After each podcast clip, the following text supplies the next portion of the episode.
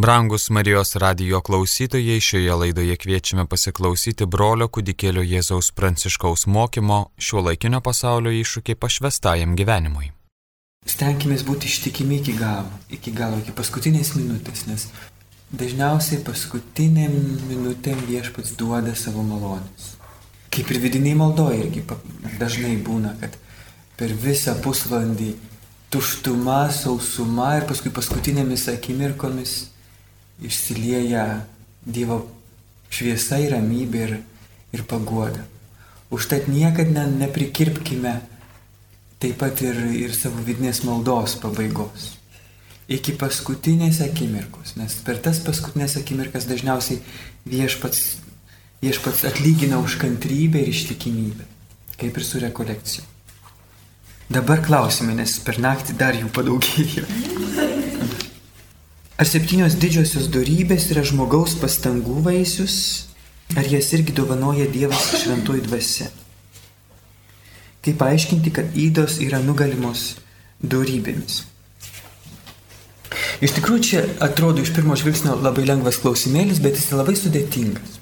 Aš neturėjau prisimti krūvą knygų, kad, kad ne, neprišnekėčiau nesąmonį ir kad kiek galima tiksliau pasakyčiau. Tai va tos septynios didžiosios darybės, kurias mes esame išmokę per savo katekizmą, kai buvo mažiukai arba šiek tiek didesni, yra nuolankumas, dosnumas, skaistumas, romumas, meilingumas, saikingumas ir uolumas. Septynios didžiosios darybės. O septynios pavojingiausios įdos priešinkus gražiausiams darybėms yra puikybė, gopšumas, gašlumas, rūstumas, pavydas, nesaikingumas valgant ar geriant ir tingumas.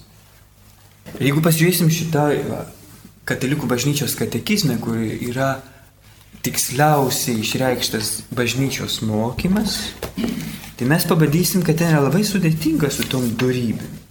Nes žmogiškų darybių tas didysis katekizmas neišvardina taip, kaip, kaip yra mūsų liturginė maldinėlyje.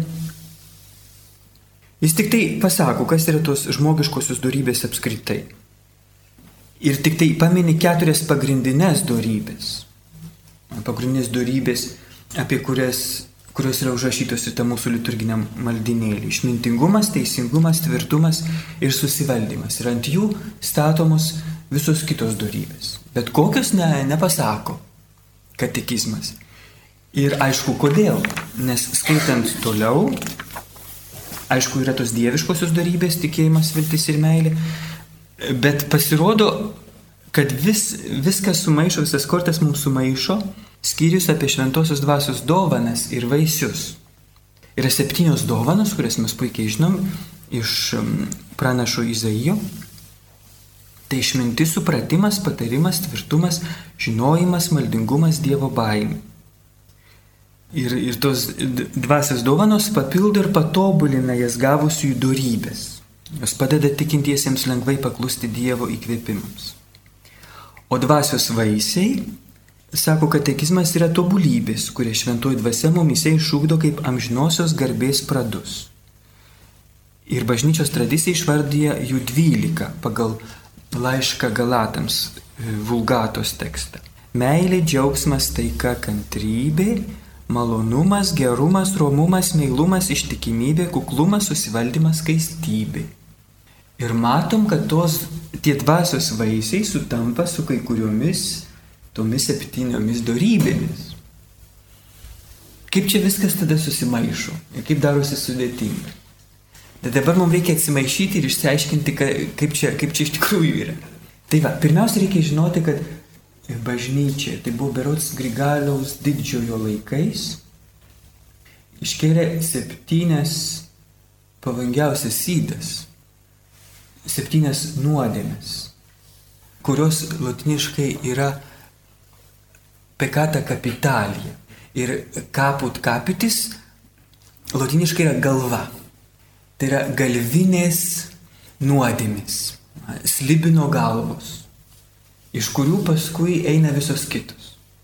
Tai buvo pirmiausia šitos, šitos nuodėmis iškeltos kaip, kaip principai, pradmenys visų kitų e, nuodėmų. kad taip žmonės būtų įspėti, ko labiausiai reikia saugotis. Ir paskui, kadangi iš tikrųjų darybės nugali įdas, pažiūrėsim kaip, paskui buvo atitinkamai padarytas sąrašas šitų priešingų įdoms darybių. Puikybės priešingybė nuolankumas, gopšumo priešingybė dosnumas, gašlumo skaistumas, rustumo romumas, pavydo mylingumas, nesaikingumo saikingumas ir tingumo uolumas. Nors tuo pat metu, kaip matėm laiškė Galatams, tarp dvasios vaisių yra bent jau romumas, meilumas, susivaldymas, skaistumas, kantrybė jau yra, jau nebeįeina tas septynės darybės, nors tai irgi yra darybė.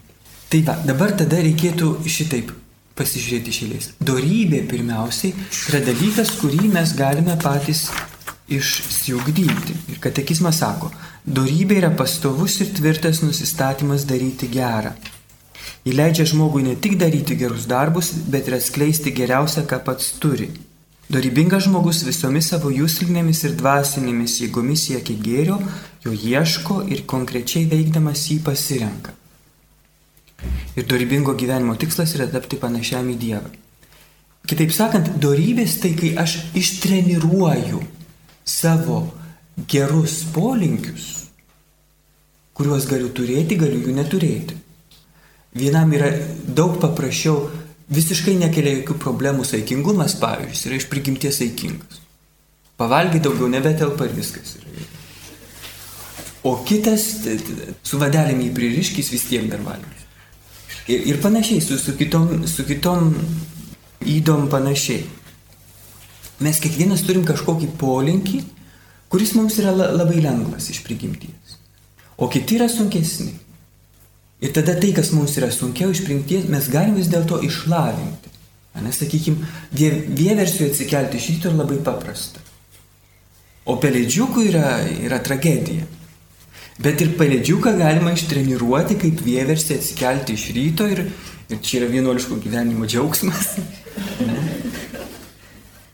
Ir jis tą, jeigu tikrai išsilavins darybę, jis tą darys lengvai ir su malonumu. Tai yra pagrindinės darybės, tikros darybės pagrindiniai bruožai. Darybė yra tada, kai aš darau lengvai be pastangų, tarsi būtų mano antroji prigimtis. Ir kai tai darau su malonumu, nejaučiu uh, diskomforto, keldamasis penktą valandą ryto, kai esu pelėdžiukas. Toliau, šitos darybės Apie darybę geriausiai Aristotelis aiškina savo Nikomacho etikoje, kuri tarp kitų irgi yra išversta lietuvių kalba. Galima pastudijuoti irgi e, bendruomenį kartu.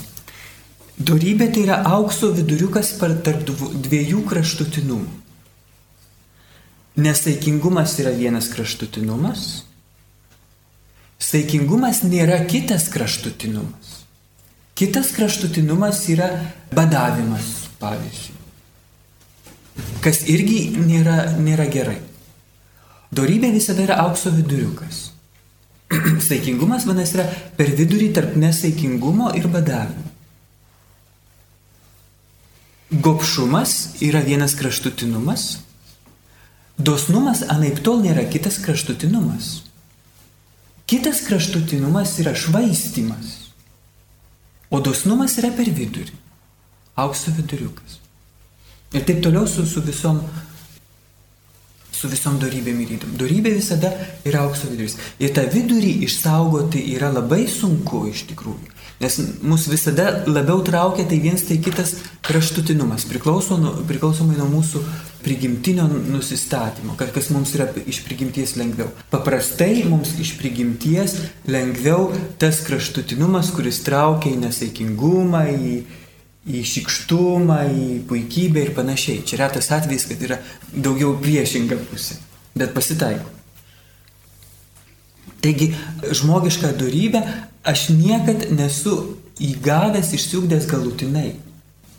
Ja nuolat ir nuolat reikia ugdyti. Panašiai kaip, sakykime, pianistas, geras pianistas, jis, geras pianistas sako, jeigu aš negroju vieną dieną pianinu, aš jau kitą dieną pats tai girdžiu.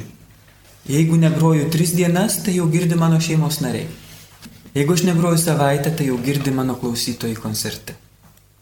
Su darybėmis yra kažkas panašaus. Mes turim jas nuolat ir nuolat ugdyti. Aišku, kai jau turim pagrindus, yra lengva ir malonu laikytis darybės. Bet jeigu nors trupučiuką atsileidžiame, jau mus pradeda traukti į vieną arba į kitą pusę kraštutinumas, ne, ta, ta įda, ir paskui tada jau sugrįžti aukso vidurį darosi labai sunku. Ir kuo, kuo labiau esi nukrypęs į kurį šoną, tuo, tuo sunkiau sugrįžti. Tai čia ir yra pa, paaiškinimas, kaip darybės nugali įdas. Būtent per šitą aukso viduriuko ieškojimą. Nes įda yra kraštutinumas, Ir kad mes galėtume lengviau tą įdą nugalėti iš pradžių, darybę išsiugdyti lengviau, kreipiant save labiau į priešingą kraštutinumą. Kad, nors tai irgi savaime nėra gerai, bet iš pradžių lengviau tarsi, atsver, tarsi atsverti, ar ne, kaip, pavyzdžiui, būrinis laivas yra pakrypęs į vieną pusę ir tada reikia tiesiog atsisėsti ant, ant to būrinio laivo krašto, kad išsitiesintų būrė, ar ne truputėlį pulti į kitą kraštutinumą. Jeigu esu, sakykime, nesai, nesaikingas, tai geriau iš pradžių krypti į tą kraštutinumą, kuris yra badauti. Ir tada paskui, kai išsilygins truputėlį tas mano laivas darybinio gyvenimo, moralinio gyvenimo, tada jau bus galima kažkaip laviruoti su tuo, su tuo aukso viduriuku. Bet va, būtent šitaip įda ir nugalima darybėmis, kai aš stengiuosi daryti priešingai, negu mano pagadinta prigimtis traukia. Traukia, pavyzdžiui, mane į šaldytuvą šokoladinio surelių, kuriam valgyti aš neturiu leidimo. Ar ne?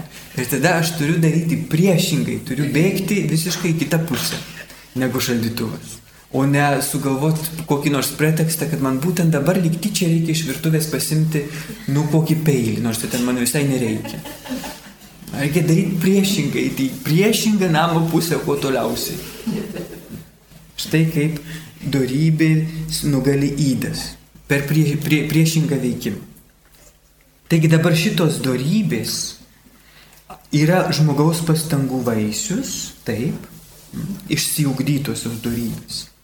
Bet yra taip pat ir šventosios dvasios dovanojamos įlietosios darybės, kurios turi tuos pačius pavadinimus - nuolankumas, dosnumas, skaistumas, romumas, meilingumas, sėkingumas, uolumas - yra taip pat ir išsiugdomos, ir šventosios dvasios dovanojamos.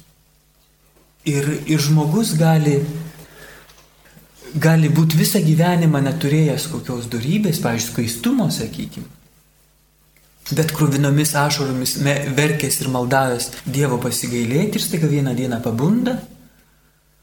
Stebuklas, jokių pagundų. Ir man yra tekę girdėti žmonių va tokių stebuklų, sakykime, žmonių išgyjusių iš alkoholizmo, bet stebuklingai. Ant rytojaus atsikelia ir viskas. Ir nelašo į burną daugiau.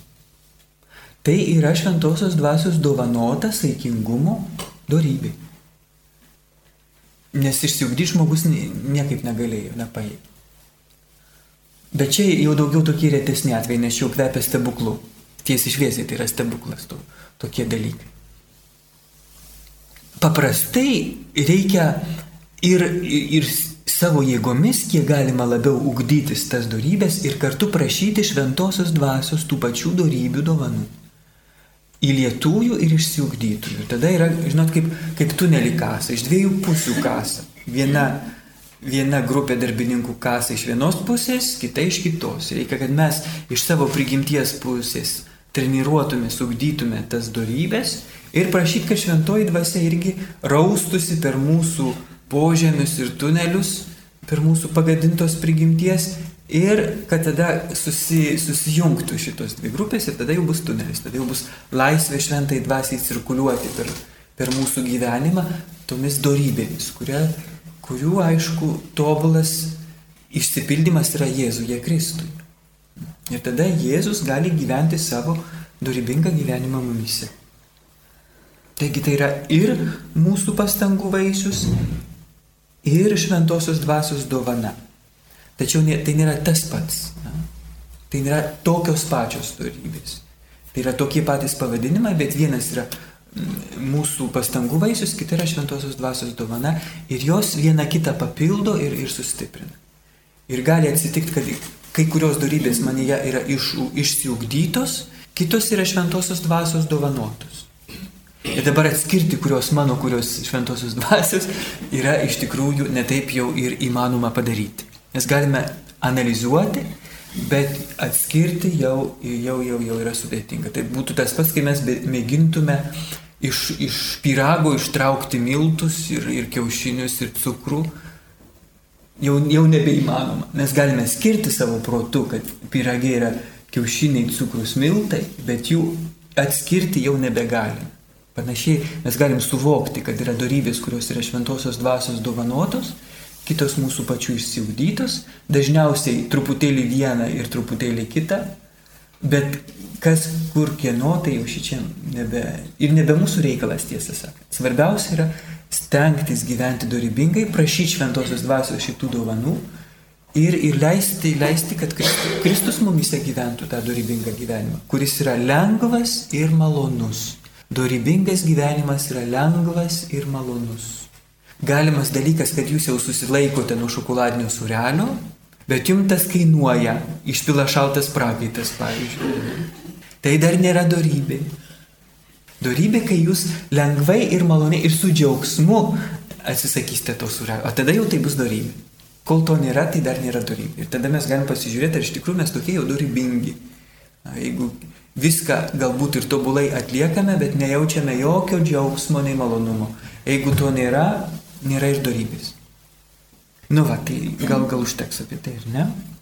Dabar apie kryžiaus lėpinį pakalbėti. Mes jau apie tai vakar šiek tiek kalbėjome, matydami kaip ir, krik, ir Jėzaus krikštas Jordano upėje, ir kanos vestuvės, ir atsimainimas ant taboro kalno vis nurodo į kryžių, kaip visų šitų įvykių išsipildymą. Ir ne tik šitie įvykiai. Praktiškai visi Jėzaus pavyzdžiai ir veiksmai nurodo į kryžių. Nes kryžius yra galutinis jo misijos, jo pasiuntinybės išpildymas jo meilės apreiškimas mums, tėvo pašlovinimas ir sunaus pašlovinimas, ta šlovė, kuri yra šventoji dvasia. Ir tai yra mūsų išgelbėjimas, kryžius.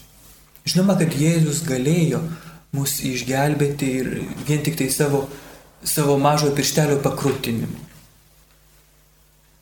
Galėjo išgelbėti vien tik tai mokymu galėjo išgelbėti mus vien tik išgydymu, piktų dvasių išvarimu.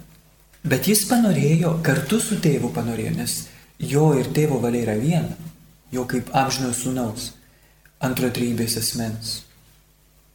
Nes, nes Kristoje yra vienintelis asmo, dieviškasis asmo.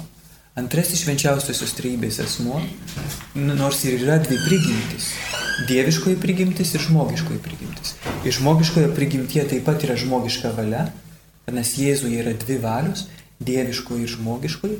Tačiau žmogiškoji valia, būdama visiškai laisva, jinai visiškai tobulai yra priklausoma nuo jo dieviškosios valios. Ir ta Jėzaus dieviškosios ir žmogiškosios valių vienybė e, teologų yra vadinama hipostatinė unija. Dėl kurios yra neįmanoma, kad Jėzus savo žmogišką valią pasirinktų ką nors kitą, negu jo dieviškoji valia pasirenka. Ir tada mes galim pasakyti, bet jis tada nėra laisvas kaip žmogus. Priešingai jis yra kaip tik laisviausias. Kodėl, kaip tai suprasti? Todėl, kad žmogaus valia Apskritai kūrinio valia angelo taip pat jinai yra sukurta gėriui. Jinai sukurta gėriui pirmiausiai, o ne pasirinkimui, absoliučiai lygiam pasirinkimui tarp e, gėrio ir blogio. Mes įsivaizduojam gėrį ir blogį kaip baltą akmenuką ir juodą akmenuką. Ir jie yra visiškai lygiai verčiai. Mes galime rinktis arba baltą, arba juodą. Ne, taip nėra. Nes blogis, atsimenam, tai yra Tai nėra pats savaime subsistuojantis, realiai egzistuojantis dalykas. Tai yra dalykas, kuris egzistuoja tik tai gėryje, kaip jo parazitavimas, kaip jo pulinys, kaip jo puvinys. O puvinys kaip toks jis neegzistuoja, jis egzistuoja tik tai gėryje. Ir valia yra sukurta gėriui, net jeigu jinai gali pasirinkti blogį. Kaip tą suprasti? Aš visada duodu tokį pavyzdį. Plaktukas yra sukurtas kam? Kad mes galėtume su juo į sieną įkalti vinį ir ant to vinies pakabinti mergelės Marijos paveikslą. Arba įkuo. Bet su tuo pačiu plaktuku aš galiu taukštelt kokiai babutai per galvą. Aš galiu tą padaryti su plaktuku, bet plaktukas ne tam yra sukurtas. Jis yra sukurtas, kad įkalčiau į vinį sieną ir pakabinčiau mergelės Marijos paveikslą. Jis yra sukurtas geram. Net jeigu ir galima su juo padaryti blogių. Ne tam jis yra sukurtas, kad, kad aukštelčiau bubutai per galvą. Panašiai yra ir su mūsų valia. Jis yra sukurta gėriui. Net jeigu ir galiu padaryti blogį su, su ta savo valia. Ir vadinasi, valia tada, kai jinai atitinka tą gėrį, kuriam jinai yra sukurta, jinai ir yra laisviausia, nes laisvė yra gėrių. Vadinasi, danguje, kur mes jau nebegalėsime nusidėti, mes būsime tobuliausiai laisvi. Mūsų laisvė yra netobula būtent tol, kol jinai gali nukrypti nuo to, dėl ko jinai yra sukurta, nuo gėrių. Net jeigu ir būtina, kad, kad, kad pati valia galėtų apsispręsti, apsispręsti už gėrį. Bet kai tas apsisprendimas yra galutinis ir nebegrįžtamas, nebetšaukiamas danguje, laisvė yra tobuliausia. Štai kodėl Dievas yra tobuliausia laisvė. Nors jis ir negali nusidėti, pavyzdžiui. Taigi ir Jėzus yra tobuliausiai laisvas, nors savo žmogišką valiais negali nusidėti. Todėl jis yra tobuliau, to, tobuliausiai laisvas. Ir ant kryžiaus jis yra tobuliausiai laisvas. Nes jo ir tėvo valia yra viena. Jo ir sunaus, kaip, kaip dieviško sunaus valia yra viena. Ir pas Jėzus sako, trokšte troškau valgyti šitą Velykų vakarienę. Ir ta Velykų vakarienė yra nekas kita kaip kryžius, avinėlio vestuvių puota, kuris pats yra duona ir jis pats yra vynas. Ir jis trokšte troško to. Ir tada mes galim paklausti, bet kodėl tada Jėzus Getsemaniai meldėsi tėvę, jeigu įmanoma, te praeina šitą urėnę gerta, tačiau tai būna tavo valia, o ne mano. Čia tarp kitko irgi gera pamoka, kokios turi būti visos mūsų maldos. Viešpatį padaryk, kad būčiau nuolanki. Viešpatį padaryk, kad nebekaišyčiau nosies iš šaldytuvą. Viešpatį padaryk. Mes visada turim pabaigti kiekvieną savo maldą taip kaip Jėzus. Tačiau tavo valia te būna ne mano. Nes galimas dalykas, kad man yra dabar geriau dar pabūti išpuikusiu arba nesaikingų, nesusivaldančių, nes tokiu būdu aš aštriau suprasiu, pajusiu, patirsiu, kaip man reikalingas Dievas. Nes kitaip, jeigu aš pasidarysiu nuolankus arba saikingas, jau man tada ir Dievo nebereiks. Ir iš tikrųjų, Geriausias būdas kovoti prieš savo nu, nuodėmės ir įdas yra būtent tas priklausimas nuo Dievo valios, nuo tėvo valios. Kuo labiau mes esame priklausomi nuo tėvo valios, per adoraciją, per garbinimą ypač, tuo mažiau jam reikalinga ta nuodėmės pedagogika. Kai Dievas leidžia nuodėmę, kurią jis, jis tokiu būdu sukelia mumise skausmą dėl to, kad buvom nuo jo nusigręžę. Ir kuo ilgiau, kuo labiau mes būsime su Jėzumi, tuo mažiau mums reikės tos nuodėmės pedagogikos, tuo mažiau Dievas leis mums nusidėti. Nes nuodėmės vienintelis tikslas, žiūrint iš Dievo pusės, dėl ko Dievas leidžia nuodėmę, kad mūsų purtytų kaip su elektrošoku ir gražintų prie savęs. Nes jis yra mūsų tikrasis gėris. Nes kuo labiau mes būnam su juo, tuo mažiau bereikia Dievui mums leisti nusidėti, nes nebereikia tos nuodėmės, kad gražintų mus prie savęs, mes ir taip jau esam prie jų. Taip kaip e, nekalčiausia mergelė Marija niekada nenusidėjo, nes visada buvo su savo Dievu, visada, kiekvieną akimirką. Taip kaip kūdikėlio Jėzaus teresėlė niekada nenusidėjo mirtina nuodėme, nes dažniausiai būdavo su savo Dievu. Taip ir mes. Ir todėl mes turim visada savo maldą pabaigti štai žodžiais, tačiau tebūnie tavo valia, bet ne man. Tavo valia, bet ne man. Bet kodėl Jėzus taip meldys? Tradicinis aiškimas yra, kad, kad Jėzus kaip žmogus bijojo kančios. Ir, ir tai būtų pagoda mums, kurie irgi esame bailūs ir, ir, ir bijome kančios.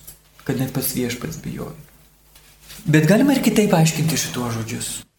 Mūsų bendruomenės įkūrėjas, tėvelis Filipas, jisai sakydavo, kad Jėzus iš tikrųjų čia meldžia, kad jo mylimiausi žmonės, mergelė Marija ir mylimasis mokinys, galėtų būti apsaugoti nuo tos kančios. Nes Jėzus puikiai žino, kad jo kančios visiškai užtenka, kad mes visi būtume išgelbėti.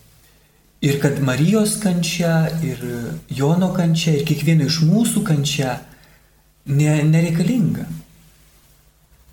Ir aišku, kad kai ką nors mylime, tai mums yra skaudžiau dėl mūsų mylimo žmogaus kančios negu dėl savo paties kančios. Mes kitą kartą galime labiau kentėti dėl mylimo žmogaus kančios negu dėl savosios. Ir jeigu Jėzus buvo tikras žmogus, natūralu, kad jis irgi norėjo, kad jo mylimi žmonės, Marija, Jonas ir kiekvienas iš mūsų galėtume būti apsaugoti nuo tos kančios. Ypač turint omeny, kad jo kančios visiškai užtenka mūsų išgelbėjimui. Tačiau jis pridėjo, tačiau tebūnė tavo valia, ne man. Bet kodėl tada tėvas norėjo, kad Marija kentėtų, kad Jonas kentėtų, kad mes visi kentėtume? Čia yra kryžiaus išminties lėpinys. Tokiu būdu tėvas norėjo mūsų tikrojo gėrio, būtent kad mes galėtume blogį įveikti iš vidaus, įveikti jį meilę, taip kaip Jėzus ant kryžiaus kur kančia, mirtis, skausmas iš tikrųjų yra blogis, tačiau Jėzus juos paverčia meilės išraišką.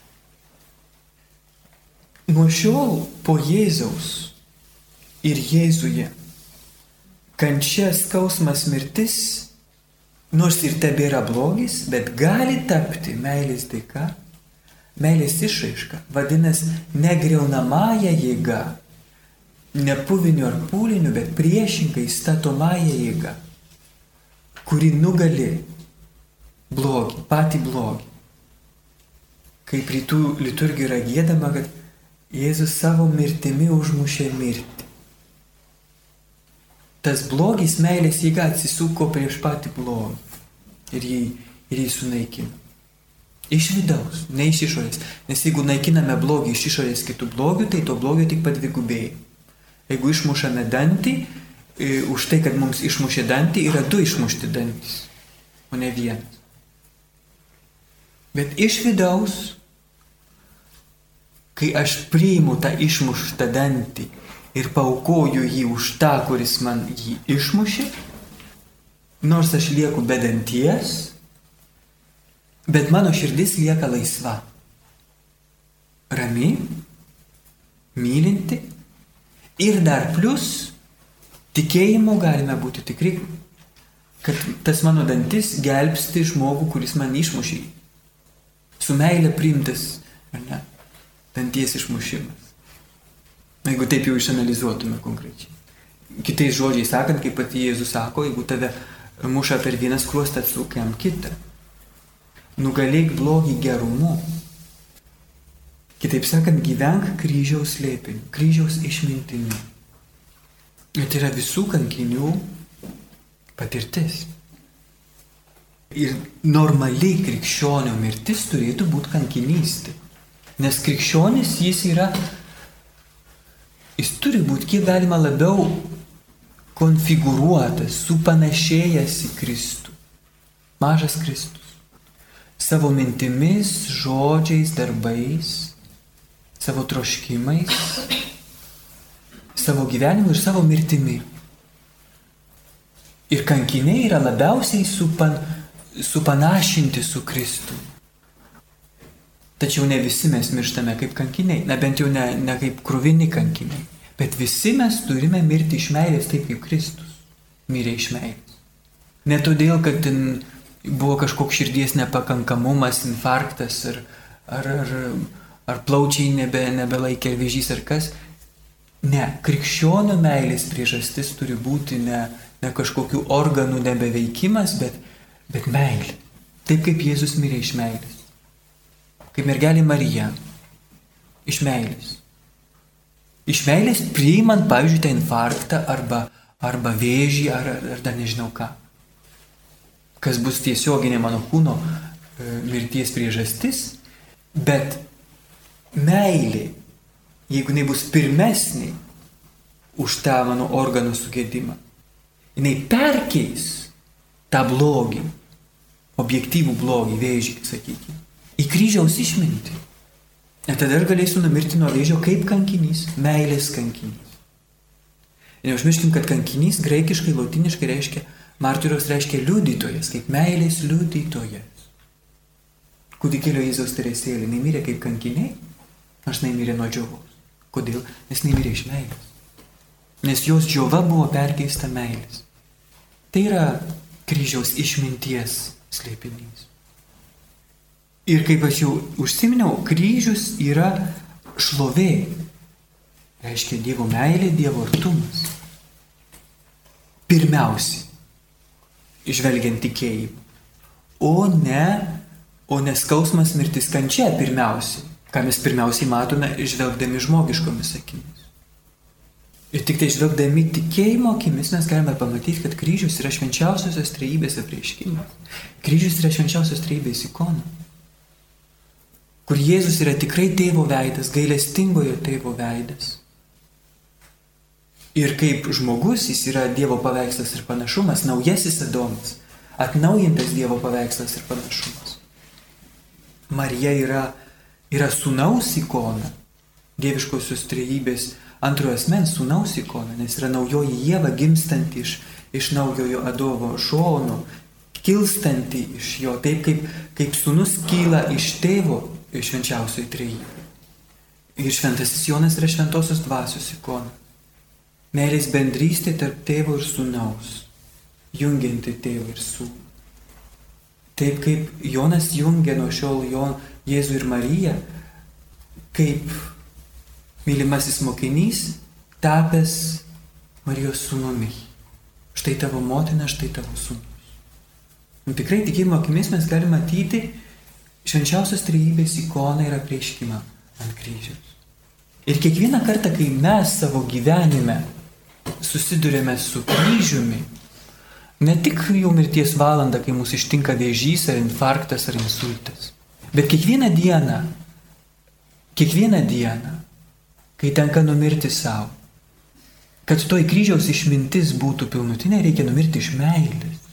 Savo, numirti iš meilės ir tapti duona, duona kitiems, minkšta duona, kad neišsilaužytų dantų, eucharistinė duona. Iš meilės. Būtent meilė perkyčia. Ir tada tikėjimo akimis mes ten, toj mūsų kasdienio kryžiaus vietoj, mes galime žiūrėti trykštančią šlovę. Jau dabar trykštančią šlovę šventą dvasę, meilės dvasę, kurią gyvensime amžinai. Ir todėl aš dabar norėčiau jums, pabaigdamas, Norėčiau paskaityti iš Šventojios Faustinos dienoraščio.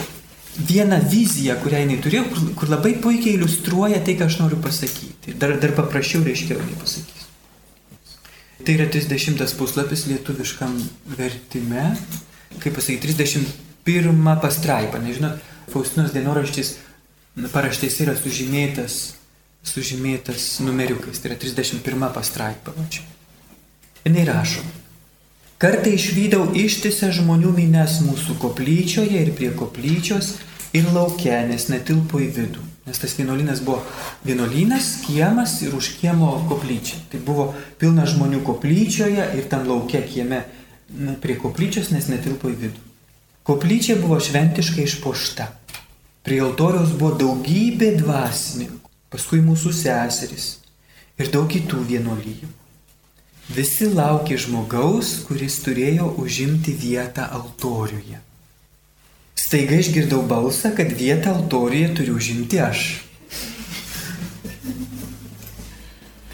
Bet vos išėjau iš namų, nes Faustina labai paklusni iš karto paklūsta. Vos išėjau iš namų, tai yra iš koridoriaus, kad pereičiau per kiemą ir sekčiau paskui mane kviečiantį balsą, visi žmonės ėmė mėtyti į mane kas kuo galėjo - purvu, akmenimis, smėliu, šluotomis. Akimirką suabejojau ar eiti toliau, bet balsas kvietė dar stipriau ir nepaisant nieko drąsiai pradėjau eiti pirmin. Vos peržengiau koplyčios lengsti, tuoj į mane kas kuo įmanydami svaidyti ėmė ir vyresnieji, ir seserys, ir auklėtinis, tos mergaitės, kuriamis rūpinosi jos kongregacijos seserys. Ir net tėvai, kas kuo galėjo. Todėl norom nenorom turėjau suskupti užimti man skirtąją vietą altoriuje. Norom nenorėjom turėjau suskupti užimti man skirtą, kuo greičiau užsikart, kitaip sakant, to altorių. Vos užėmiau man skirtąją vietą, tuoj pat tie patys žmonės, ir vyresnieji, ir seserys, ir auklėtinis, ir tėvai, visi ėmė tiesti savo rankas ir prašyti malonių. O aš visai neminėjau bloguoju, kad taip mėtė į mane įvairiausius daiktus. Keistai jutau ypatingą meilę tiems žmonėms, kurie privertė mane greičiau įžengti į man skirtąją vietą. Jutau ypatingą meilę tiems žmonėms, kurie privertė mane greičiau įžengti į man skirtąją vietą. Jeigu nebūtų ją mėtę tais purvais mėliai šluotomis ir kuo pakliuvo, Faustina gal dar būtų suavėjojus, lipčia jai nelipt ant to altoriaus ir panašiai.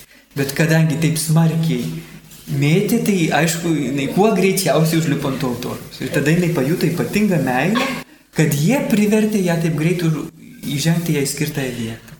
Ta akimirka mano siela užlėjo neapriepiamą laimę ir išgirdau šiuos žodžius. Daryk, ką nori, dalyk malonės kaip nori, kam nori ir kada nori. Ir tą akimirką regėjimas pranyko. Tai vas esu tas. Ką reiškia, kai mūsų gyvenime mūsų seserys, vyresnieji, auklėtiniai, net ir tėvai pradeda į mus mėtyti purvu, šluotomis, smėliu ir kuo pakliuvo.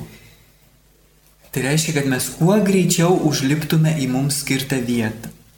Mėly Marijos radio klausytojai, šioje laidoje klausėmės brolio kudikėlio Jėzaus Pranciškaus mokymo šio laikinio pasaulio iššūkiai pašvestajam gyvenimui. Likite su Marijos radiju.